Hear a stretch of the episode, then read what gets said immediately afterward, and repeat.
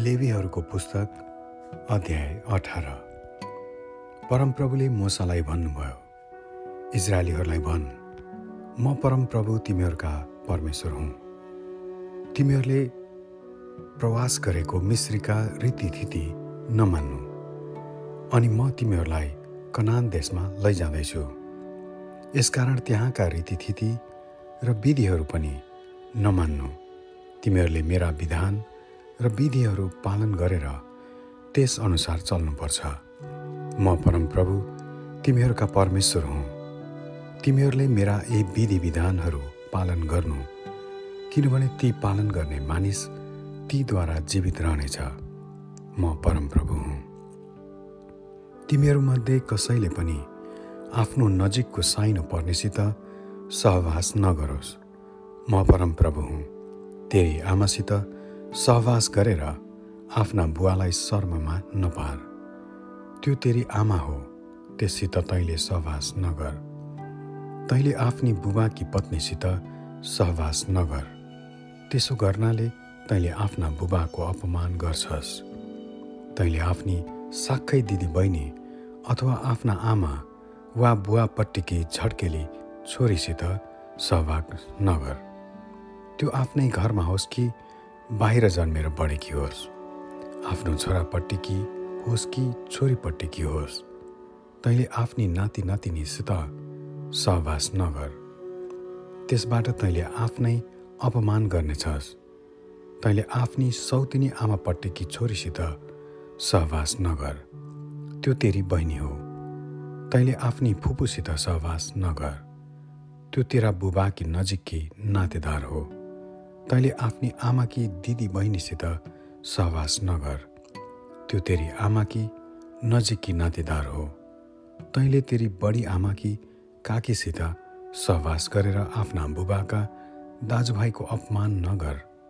त्यो तेरी बडी आमा अथवा काकी हो। तैँले आफ्नी बुहारीसित सहवास नगर। त्यो तेरो छोराकी पत्नी हो। तैँले त्यससित सहवास नगर। तैँले आफ्नी भाउजू वा भाइ बुहारीसित सहवास गरेर आफ्नो दाजुभाइको अपमान नगर। कुनै स्त्री र त्यसकी छोरी दुवैसित तैँले सहवास नगर। अनि त्यसको छोरा अथवा छोरीपट्टिकी नातिनीसित पनि सहवास नगर। तिनीहरू नजिकका नातेदार हुन्। त्यसो गर्नु दुष्टता हो। तैँले आफ्नी पत्नीकै जीवनकालमा त्यसकी दिदी वा बहिनीलाई सौता ल्याएर सहवास नगर। कुनै स्त्रीका राजस्वलाको समयमा त्यससित सहवास नगर। तैँले पर स्त्रीसित सहवास नगर। त्यसरी तैँले आफूलाई अशुद्ध नपार।